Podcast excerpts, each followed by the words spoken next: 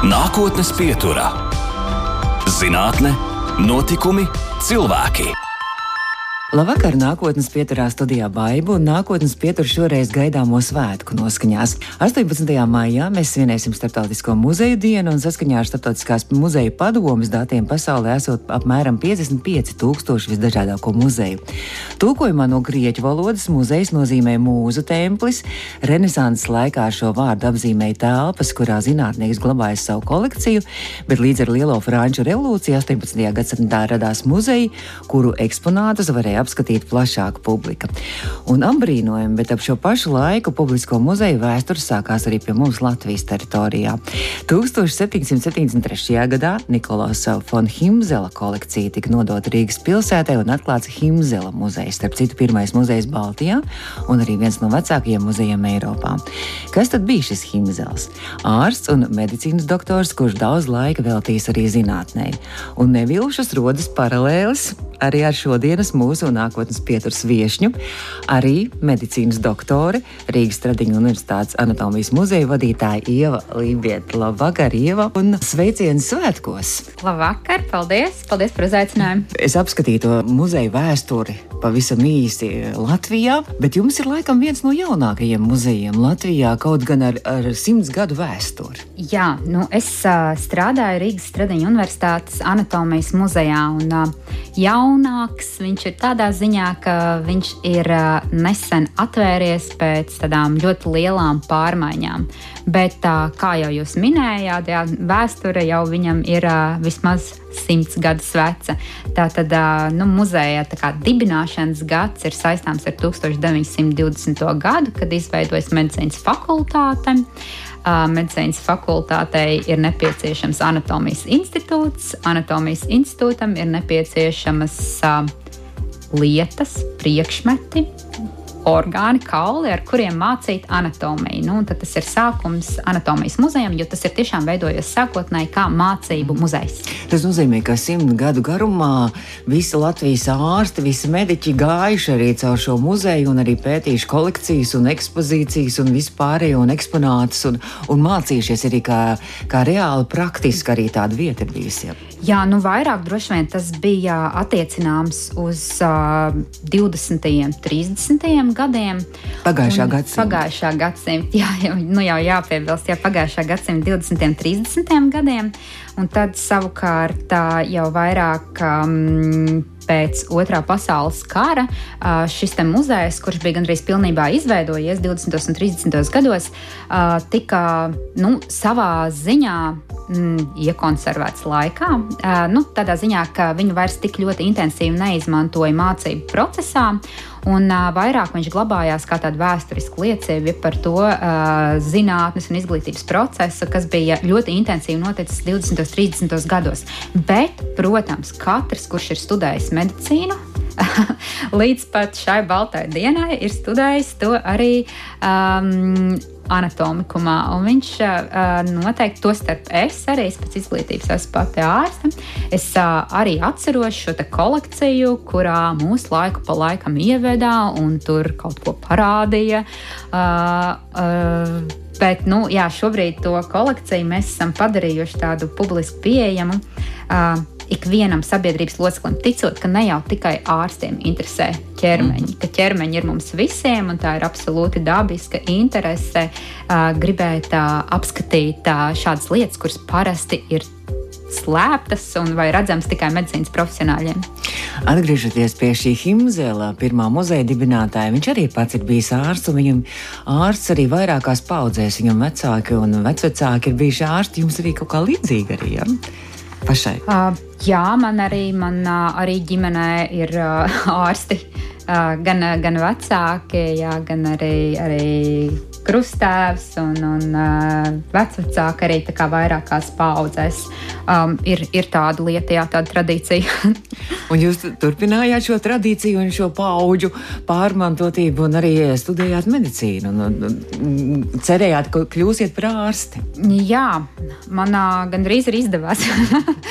Nē, no, es, uh, jā, es esmu pabeigusi tātad medicīnas uh, fakultāti Rīgas Tradiņu universitātē, un pēc tam arī esmu beigusi rezidentūru mm -hmm. internā medicīnā. Bet uh, rezidentūras laikā es sāku um, jau patiesībā jau no studiju laikiem es biju sākusi strādāt Pauls Stradiņa medicīnas vēstures muzejā, un rezidentūras laikā es sāku rakstīt arī savu disertāciju par medicīnas vēsturi, par psihiatrijas vēsturi tā precīzāk un uh, sāk strādāt ar studentiem, sāk viņiem mācīt medicīnas vēsturi. Tad vienā brīdī es atklāju, ka es esmu laikam vairāk jau ieinteresēta medicīnas vēsturē un medicīnas muzejos. Uh, uh, vairāk nekā tādā nekā reālā, praktiskā medicīnā. Bet tas bija notikumu dažādu uh, sakritība, jo es uh, ļoti labi varu iztēloties arī sevi kā ārste, ja kaut kas, uh, ja šie notikumi būtu kaut kā risinājušies manā dzīvē citādāk. Man nebija tā, ka man ļoti nepatīk. Man patīk, man daudz kas patīk. Bet par to um, jūsu disertāciju jūs jau pieminējāt, jūs uh, visai interesanta tēma - Latvijas psihiatrijas vēsture arī kaut kādā konkrētā laika posmā, 18. līdz 40. 40. ja nemaldos gads. Jā, tā, tā bija mana izvēle, jo psihiatrija arī bija viena no tādām medicīnas jomām, kas man vienmēr likās ārkārtīgi interesanta un saistoša. Un, uh, man liekas, ka psihiatrijas vēsture tieši šajā te atkal 20. un 30. gados ir kaut kas tāds, ko ir uh, iespējams, nu, arī tīri tā avotu un izziņas dažādu um, jā, avotu dēļ pētīt. Un, Un tā es izvēlējos, un tā man šo disertācijas tēmu arī apstiprināja universitāte. Mans darba vadītājs, profesors Salaks un profesors Birta Kupčs, kas pat ir psihiatri. Un, uh, tā es ķēros klāt. Tas jau bija laiks, jau laikam diezgan sen, kāds desmit gadus atpakaļ. Bet tas nozīmē, ka Latvijā tiešām ir tāda ievērojama un um, zināma šī psihiatrijas vēsture, vai jūs, kā jūs meklējat kaut kādus materiālus, jūs par arhīviem rakņājāties, sēdējāt, vai, vai, vai grāmatas kaut kādas jau bija pirms tam? bija nu, tieši par šo konkrēto laika posmu, tāda atsevišķa kaut kāda monogrāfija par psihiatriju. To laiku, nu, protams, nebija, bet bija, bija rakstītas lietas, bija rakstītas biogrāfijas. Piemēram, profesors Arnēs Vīksne bija uzrakstījis uh, nelielu biobibliogrāfiju par profesoru Hermanu Buduli, tātad pirmo latviešu izcelsmes uh, psihiatrijas profesoru. Bija um, kaut kādi preses raksti, nu, nu kaut kā uh, tam līdzīgi līdzīgi. Bet, nu, principā tāds liels apraksts jau nebija. Un tad tie avoti, nu, kā jau, kā jau daudz kur vēsturē, nu, jā, tie bija gan uh, arhīvu materiāli, ko bija iespējams atrast. Bet bija kaut kāds pacientu kartītes arī kaut kas tāds, kur varēja arī ielūkoties. Vispār tās ir pieejamas. Jā, es uh, speciāli, mana darba daļa nebija veltīta tādai um, medicīnas dokumentācijas analīzei, nezinu, bet tādas ir pieejamas arī ļoti interesanti. Ir tiešām pieejams uh, atsevišķu slimnīcu. Um, Nu, protams, ar šiem te, uh, likumīgajiem ierobežojumiem arī valsts, valsts vēstures arhīvā. Jā, ja tur kādu interesē kāda konkrēta diagnoze, uh -huh. tad mhm. droši vien var iet cauri šīm slimību vēsturēm un skatīties. Jā, Bet tās... drīkst to darīt vispār? Nu, teiksim, medicīnas noslēpums, ka tu nedrīkst izpaust to visu. Vai tas jau ir termiņš, jau ir not, noticējis un noilgums jau ir noticis? Pirmkārt, jau tas noslēpums droši vien attiecas uz tiem ārstiem, kas, kas, kas ārstē savu pacientu. Nu, šobrīd tā ir gan medicīnas ētika, gan arī likumdošana. Mm -hmm. nu, kas ir tās ziņas, kuras mēs drīkstam vai nedrīkstam izpaust par, par, par saviem pacientiem un kam mēs to drīkstam izpaust? Tās slimību vēstures, kas atrodas vēstures arhīvā, tām acīm redzot, ir jau pagājis šis laika noilgums. Es precīzi mm -hmm. nemācīšu pateikt, tas ir jāpaskatās. No senākiem laikiem atceros, ka tie bija 70 gadu laikam pēc teiksim, tas, kad šīs lietas jau drīkst nokļūt kaut kādā parastā arhīvā. Jā, tās slimību vēstures, kas atrodas šobrīd slimnīcās, pie tām neviens nevar tikt klāt un neviens viņas ne, nedos mums, ja tas nebūs specifiski atrunāts pētījums ar kuru viņš būs izgājis cauri kaut kādiem ētikas komis, komisijas lēmumiem, ka to drīkst darīt. Bet runājot par muzeju, tad mums kaut kā publikai liekas, ka jā, tas muzejs ir vieta, kur mēs ejam, apskatāmies, kur kaut kādas izstādes, ekspozīcijas un mums kāds izstāsta vēl gids. Bet principā muzejiem viens no jūsu uzdevumiem arī ir tā pētniecība. Jā, tā ir uh, viena no muzeja pamata funkcijām, arī kā pētnieciskais darbs. Un tas ir uh, izglītojošais darbs, ar ko muzejs, uh, muzeja nodarbojas. Um, tas ir izstāžu darbs, uh, mēs gribam būt pieejami sabiedrībai un arī. Um, Un arī pētnieciskais darbs, un tas pētnieciskais darbs muzejā, viņš ir uh, uh, nedaudz specifisks, ja mēs sa salīdzinām ar tādu vispārēju pētniecisku darbu. Nu, tā kā es izdomāju, gribu pētīt psihiatrijas vēsturi, meklēšu visu, nu, kas mums ir par psihiatrijas vēsturi. Tas muzeja pētnieciskais darbs ir vērsts uz uh, konkrētām muzeja, konkrētās kolekcijas izpēti. Nu, tas jau ir svarīgi muzeja darbiniekam, nevis vispār kopumā pētīt, bet tieši to izzināt šo te uh, savu kolekciju. Un, jā, to mēs arī cenšamies darīt šobrīd Anatomijas muzejā, kas ir maziņš nosacīta muzejs ar 6000 priekšmetiem. Um, daļa no tiem ir. Um, tiešām orgāni, burkās un kauli. Tur ir tāds specifisks izpētes iespējas, bet mums ir arī tāda liela tā dokumentāla un fotokolekcija, nu, kas ir vairāk jau tāda līdzīgāka arī ar citiem muzejiem. Un arī ar šīs kolekcijas izpēti mēs šobrīd nodarbojamies. Jums savulaik pašai arī bija izstāde. Pētījums bija par zinātniskās anatomijas arī pamatlicēju.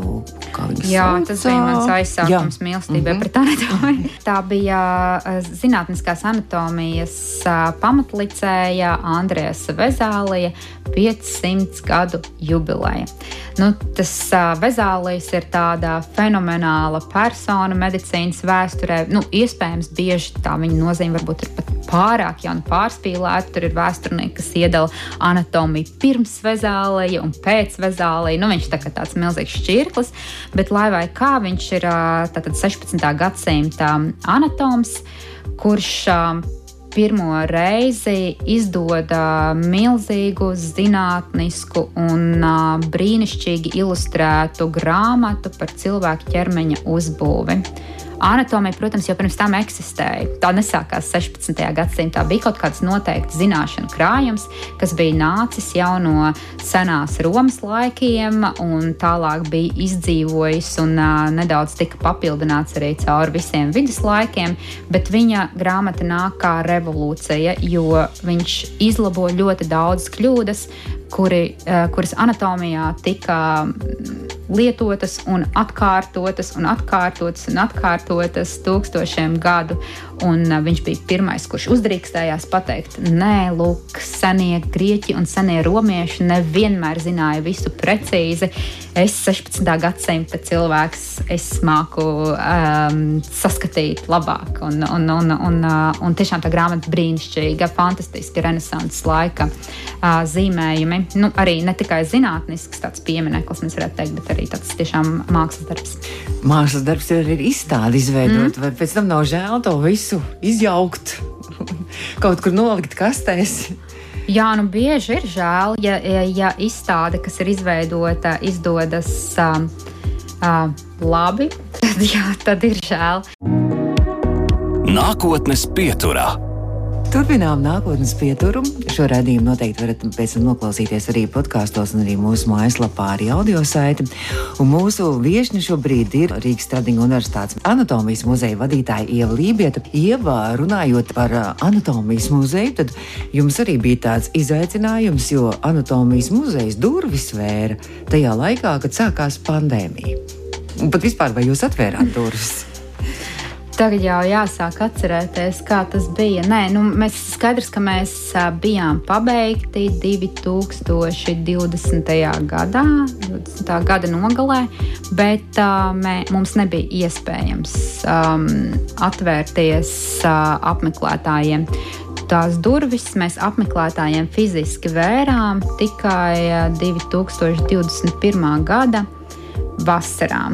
Nu, Tas ir pagājuši jau pagājuši, pagājuši uh -huh. gadu vasarā ar uh, visiem tiem ierobežojumiem, kādi to brīdi pastāvēja, nu, gan ar skaita, ir, cilvēku apmeklētāju skaita ierobežojumiem un tam līdzīgi. Bet uh, nu, jā, tas bija, tas bija mm, zināmā mērā. Nu, tas bija izaicinoši, bet tas bija arī nu, interesanti. Nu, tādā laikā dzīvojam, un, un tā mums tas sanāca. Nu, tā mēs arī nejauši esam nonākuši līdz eh, Covid pandēmijai. Aprīļa nogalē bija arī tāda starptautiskā konference, ietekme inovācijas un plānošana. Un jūs arī tur uzstājāties ar pētījumu arī par to, kā pandēmijas beidzas, kā pandēmijas sākas. Jā, tas ir uh, vairāk uh, referāts par, par to, uh, ko tad medicīnas vēsturē atskatoties, mēs varam pateikt par to, kā ir beigušās pagātnes epidēmijas un pandēmijas. Uh, es pati uh, infekcijas slimības speciāli nepēta. Tas jau, man liekas, tiešām interesants tas fenomens, kas notiek medicīnas vēsturnieki tiešām parasti vada tādas klusas dzīves, un īpaši viņu domas nevienu daudz neinteresē, izņemot gadījumos, kad ir kārtējais mēra gads pienācis, un tad pēkšņi interesē daudziem par to, kā tad pagātne var nākt mums talkā, ko mēs zinām par pagātni un kā mēs varam attiecināt uz šī brīža epidēmiju vai pandēmiju, tās pagātnes zināšanas. Un, nu, neizbēgami, ka man nācās arī tādā veidā pievērsties nedaudz vairāk arī infekcijas slimību pagātnē, arī tāpēc, ka es pasniedzu medicīnas vēsturi studentiem Rīgas Stradiņu universitātē. Un arī Covid pandēmija pilnīgi izmainīja viņu uzmanību pret šo tēmu. Ja pirms tam tie bija kaut kādi stāsti par senajiem laikiem, mēris, slikts gaiss, saindēts mm -hmm. saks un tam līdzīgi. Jā, kas, kas, kas, kas nekad nepiemeklēs un kā nu, pilnīgi atrauti no kaut kādas realitātes, tad, protams, iestājoties Covid pandēmijai un mums pašiem visiem pēkšņi atrodoties šajā situācijā, un tieši starp rītiem studentiem, nu ir pilnīgi cita interese parādījās. Līdz ar to nācās arī daudz nopietnāk padomāt par, par šī jautājuma, kas tad vispār ir epidēmiju un pandēmiju, un kā mēs esam ar to sadzīvojuši pagātnē, un, un vai kaut kas no tā, ko mēs zinām par pagātni, var mums noderēt arī mūsdienās, nu, palīdzēt mm -hmm. izskaidrot šodien notiekošo. Jā, un, un tā ir pandēmijai ieilgstot, jo tas priekšniem mēs dzīvojam vairāk kā divus gadus tajā. Protams, ka tagad uh, mazāk ir jautājumi par to, kā pandēmijas kaut kad kaut kur sākās un kas tur notika. Visi grib zināt, kad tas vienreiz beigsies. Tieši tā, es nākotnes pieturu vadot, eh, kopš sākās arī Covid laiks. Es ļoti daudz arī runāju ar dažādiem pētniekiem, zinātniekiem, gan vakcīnu izstrādātājiem, gan arī, kas piedalījās šajā Covid pētījuma programmā un dažādas inovācijas domāju, kā lai mēs labāk tiekam galā ar šo, šo pandēmiju.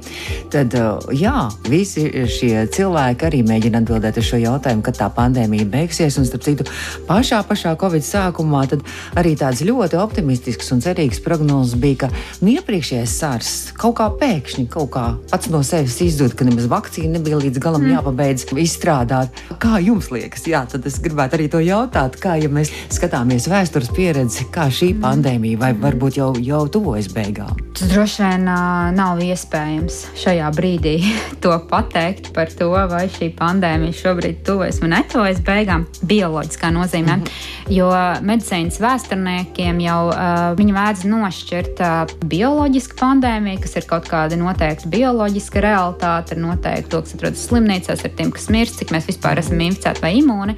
Un tad ir tā sociālā pandēmija, kas ir tās mūsu reakcijas uz šo bioloģisko realitāti. Un tad, kad mēs jautājam veselības ministram vai, vai Pasaules veselības organizācijai, kad tas vienreiz beigsies, tad jau mēs jautājam ne jau par to, kad mums būs pēdējais saslimšanas gadījums šeit Rīgā, mēs jau jautājam, kad vienreiz beigsies um, šie te.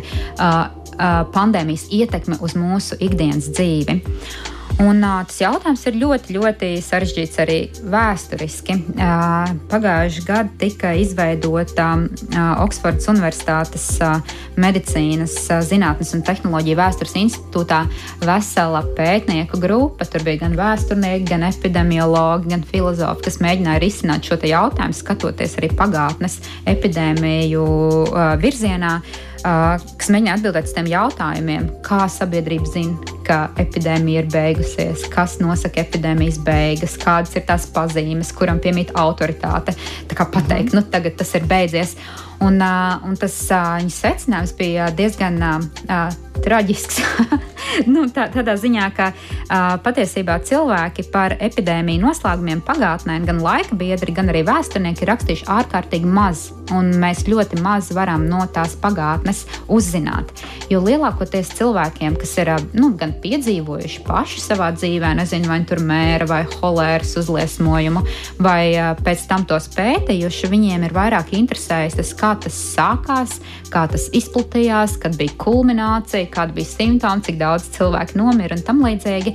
Uh, bet uh, tajā brīdī, kur ir jāsāk runāt par uh, epidēmijas beigām, tur tas, kā, tas stāsts nedaudz pārtrūks. Nu, viņi vienkārši beidzās. Un, un, un tad bija interesanti pasakot šiem pētījumiem. Un pētniekiem, kas mēģināja nodarboties ar šo jautājumu. Un, uh, viņi nonāca pie tāda no nu, tā īsi kopsavilkot pie, tāda, pie tādiem vairākiem punktiem, skatoties uz pagātnes epidēmijām un pandēmijām un domājot par to, kā viņas ir beigušās. Un tas pirmais punkts, par spīti visām mūsu teiksim, cerībām, ka mēs gribētu, ka epidēmijas beidzas ar nezinu, slimības izskaušanu, vakcinācijas ieviešanu, ārstēšanas atrašanu. Nu, tā nav. Visbiežāk slimības nekad nebeidzas pēkšņi vienā punktā. Tas vienmēr ir bijis tāds ilgstošs beigu process. Uh, Otrakārt, pavisam retos gadījumos slimības tiešām ir iznīdētas no pasaules, un tāda mums ir tikai viena, un tās ir melnās bakas slimība, par kur mēs varam teikt, dabiskā vidē tās vairs neeksistē. Eksistē divās, varbūt laboratorijās, uh, kaut kur pasaulē, bet ne dabiskā vidē. Uh, un, uh, tas uh, viņa secinājums ir, ka visbiežāk um, epidēmijas beidzas nu, kļūstot par endēmiskām slimībām. Nu, tādā nozīmē, ka mēs šīs te, slimības iekļaujam savā ikdienas dzīvē, mēs viņas pieņemam, mēs ar tām samierinamies, mēs iemācāmies ar viņām tikt galā. Uh, un tās vairs nerada mums šo lielo trauksmi, uh, un paniku. Un ka vienmēr šīs epidēmija beigas tiešām ir tāda tā izlīdzsvarošanās starp to bioloģisko realitāti, starp tiem skaitļiem, mm -hmm. kurus mēs redzam, un starp uh, sociālām, politiskām, ekonomiskām interesēm. Tas vienmēr ir tāds uh, sarunu un savstarpēju tādu vienošanās, uh, savstarpējas vienošanās process par to, kad mēs varam teikt, ka uh, slimība ir beigusies.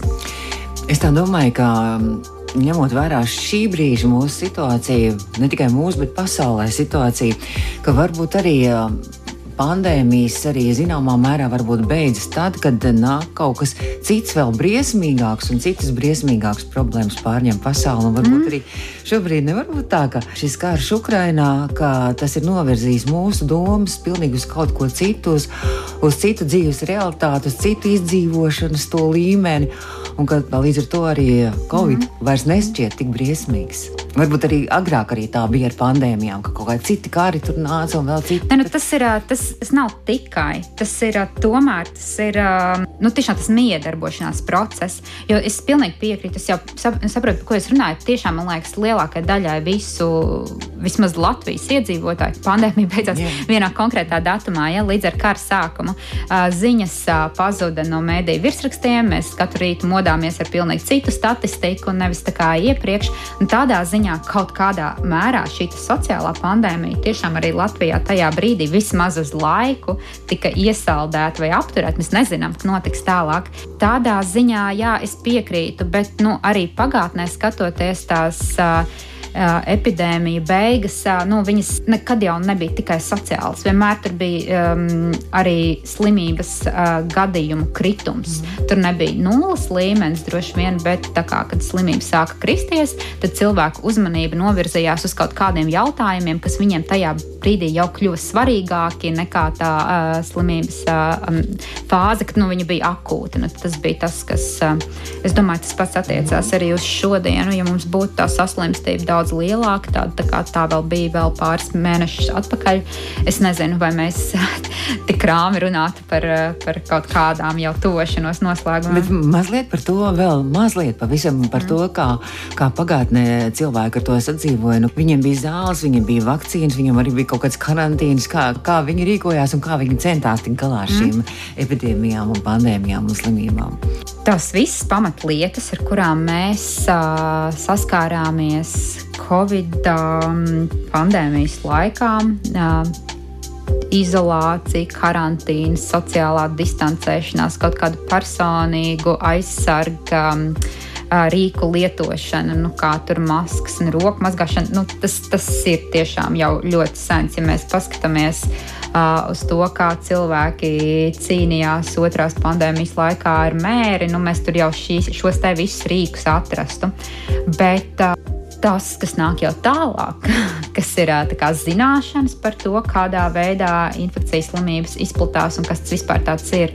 Um, vakcīnas un kaut kādas iespējamas terapijas, tās, protams, ir nu, daudz nesenākas pagātnes sasniegumi un par kaut ko līdzīgu tādai mūsdienu izpratnē par infekcijas slimībām mēs varam sākt runāt droši vien tikai no 19. gadsimta otrās puses, kad parādās um, definējas mikrobioloģijas zinātne un uh, cilvēki sāk medīt mikrobus un atklāt, kas tad bija tas, kas ierosināja mēri visus šos gadus un kas bija sifilise, cēlonis un lepras un tam līdzīgi. Nu, šīs senās slimības beidzot atklāja, un kad jau ir tas uh, atklātais mikrobs, tad arī var mēģināt tā, tā, ar viņu kaut kā tikt galā ja ne specifiski nogalināt mikrobu, tad varbūt uh, izgatavot kaut kādu prevencijas metodi, kā vakcīnas. Nu, tas tas jāsākas 19. gadsimta otrā pusē, un tad jau 20. gadsimts. Mēs tikko runājām par to, kas notika aprīļa nogalē, tāda šī konference, un mēs turpināsim mūsu nākotnes pieturu pēc brīža, un tad jau runāsim par to, kas gaidāms tuvākajā nākotnē. Nākotnes pieturā zinātne, notikumi, cilvēki. Mēs turpinām nākotnes pieturu. Mūsu viesņa šodien nākotnes pieturā ir medicīnas doktore Ieva Līpieta, Rīgas Tradiņu Universitātes anatomijas muzeja vadītāja.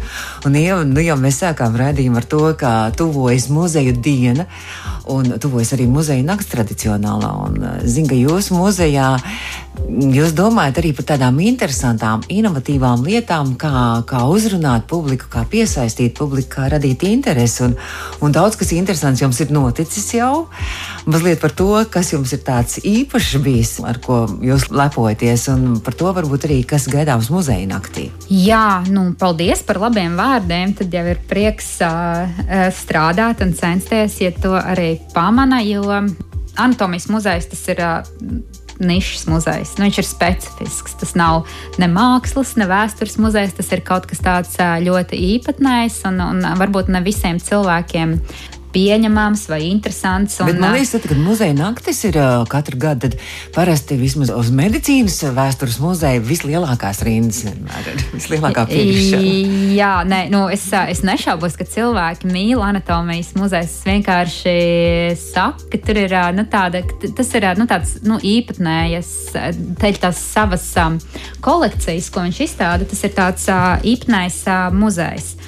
Un uh, tad uh, mūsu tā vēlme vienmēr kā anatomijas muzeja gan veidotājiem, gan arī tagad tam kolektīvam ir mēģināt piedāvāt uh, apmeklētājiem maksimāli tādu plašu skatījumu uz anatomiju. Nu, tā nav tikai anatomija, mēs runājam arī par vēsturi, un mēs runājam arī par mākslu kaut kādu. Nu, kaut kādā vismaz līmenī, vai mēs iesaistām dažādas šādas radošas aktivitātes šajos izziņas procesos un mēģinām caur to padarīt šo kolekciju, kas varētu varbūt likties svešāda un varbūt mediķiem vairāk domāta, pieejamāka plašākai publikai.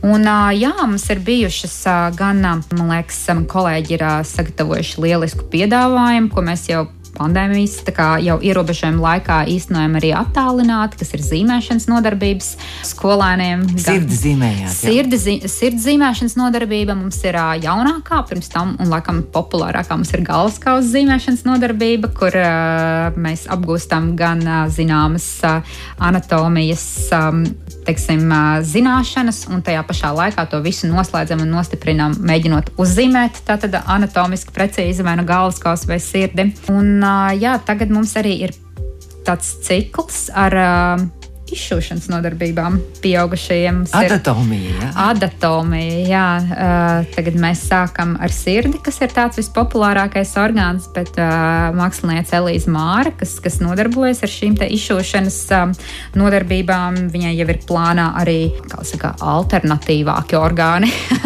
vai, vai, vai mazāk populāri. Ja, mums noteikti, aknas. Varbūt arī aknas, jā, bet mums noteikti būs zobu izšūšana. Um, tur uh, droši vien varēs izvērtēs. Mēs jau plānojam ar zelta zobiem un ar plombēm. Un tā līdzīgi.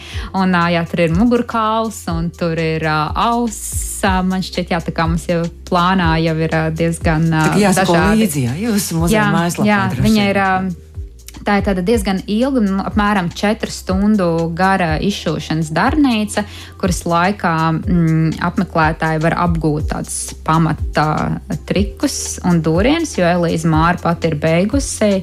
Uh, Londonas karalisko rokdarbu skolu. Viņi ir ļoti, man liekas, saņēmuši labāko izglītību, kāda ir iespējams vien, iegūt tādā tieši rokdarbu jomā. Un noteikti tas ir ļoti radošs un relaksējošs pasākums, kurā cilvēki var nu, tiešām atslēgt prātu no visām savām problēmām. Tādas vismaz mums ir pirmās atsauksmes -hmm. no tiem, kas ir apmeklējuši mūsu pirmās nodarbības, ka tās četras stundas ir pagājušas vējas pārniem un cilvēki ir vienkārši attapušies ar tādu savu oriģinālu mākslas darbu. Tā kā, nu jā, man vienmēr ir licies, ka ir jāveido piedāvājums muzejā tāds, kas uh, interesē tevi pašu. Jo, jo tad es zinu, ka vismaz vienam cilvēkam tas būs interesanti. nē, nē, nu, tas tāds uh, joks, bet nu, kopumā, jā, man liekas, uh, ka nevajag darīt neko tādu, kas pašam liekas neinteresanti, un tad jau viss būs labi. Un tajā muzeja naktī, 14. maijā, programma jau mums apmēram ir zināma. Tātad mēs būsim atvērti apmeklētājiem no 6. vakarā līdz 10. vakarā, kad mums būs tāda organizēta muzeja apskatīšana, un 10. vakarā uz muzeja terases mums notiks Platona Burovicka muzikāla performance. Tas būs darbs, kas būs veltīts tieši anatomijas muzejam mums speciāli sagatavots. Ceram uz labu laiku, jo, protams, to performanci varēs skatīties tātad no anatomikuma pagalma. Un, Jā, visi laipni gaidīti uz muzeja naktīm, un arī pirms muzeja naktīm un pēc muzeja naktīm. Vasarai tad droši vien arī jau plāni ir, ja jau tagad muzejs ir vaļā un mums ierobežojumi ir beigušies, tad uh, droši vien jūs arī aicināt apmeklētājus. Mēs, mēs gaidām apmeklētājus, ja arī nākt um, apskatīt muzeju vasarā. Vasarā mēs plānojam arī jaunu nelielu izstādi mākslinieka Padija Hārtlija intervencija Anatomijas muzeja ekspozīcijā. Kas tas būs, to es vēl līdz galam uh, neteikšu, bet tam būtu jābūt interesanti. Es saku lielu paldies, ka jūs atradāt laiku pievienoties mums Latvijas Rādio 2 nākotnes pietuvē. Rīgas Tradiņu Universitātes anatomijas muzeja vadītāja Ieva Lībieta bija Latvijas Rādio 2 nākotnes pieturas viešņu. Vēlreiz sveiciens svētkos! Paldies! Izskan nākotnes pieturā.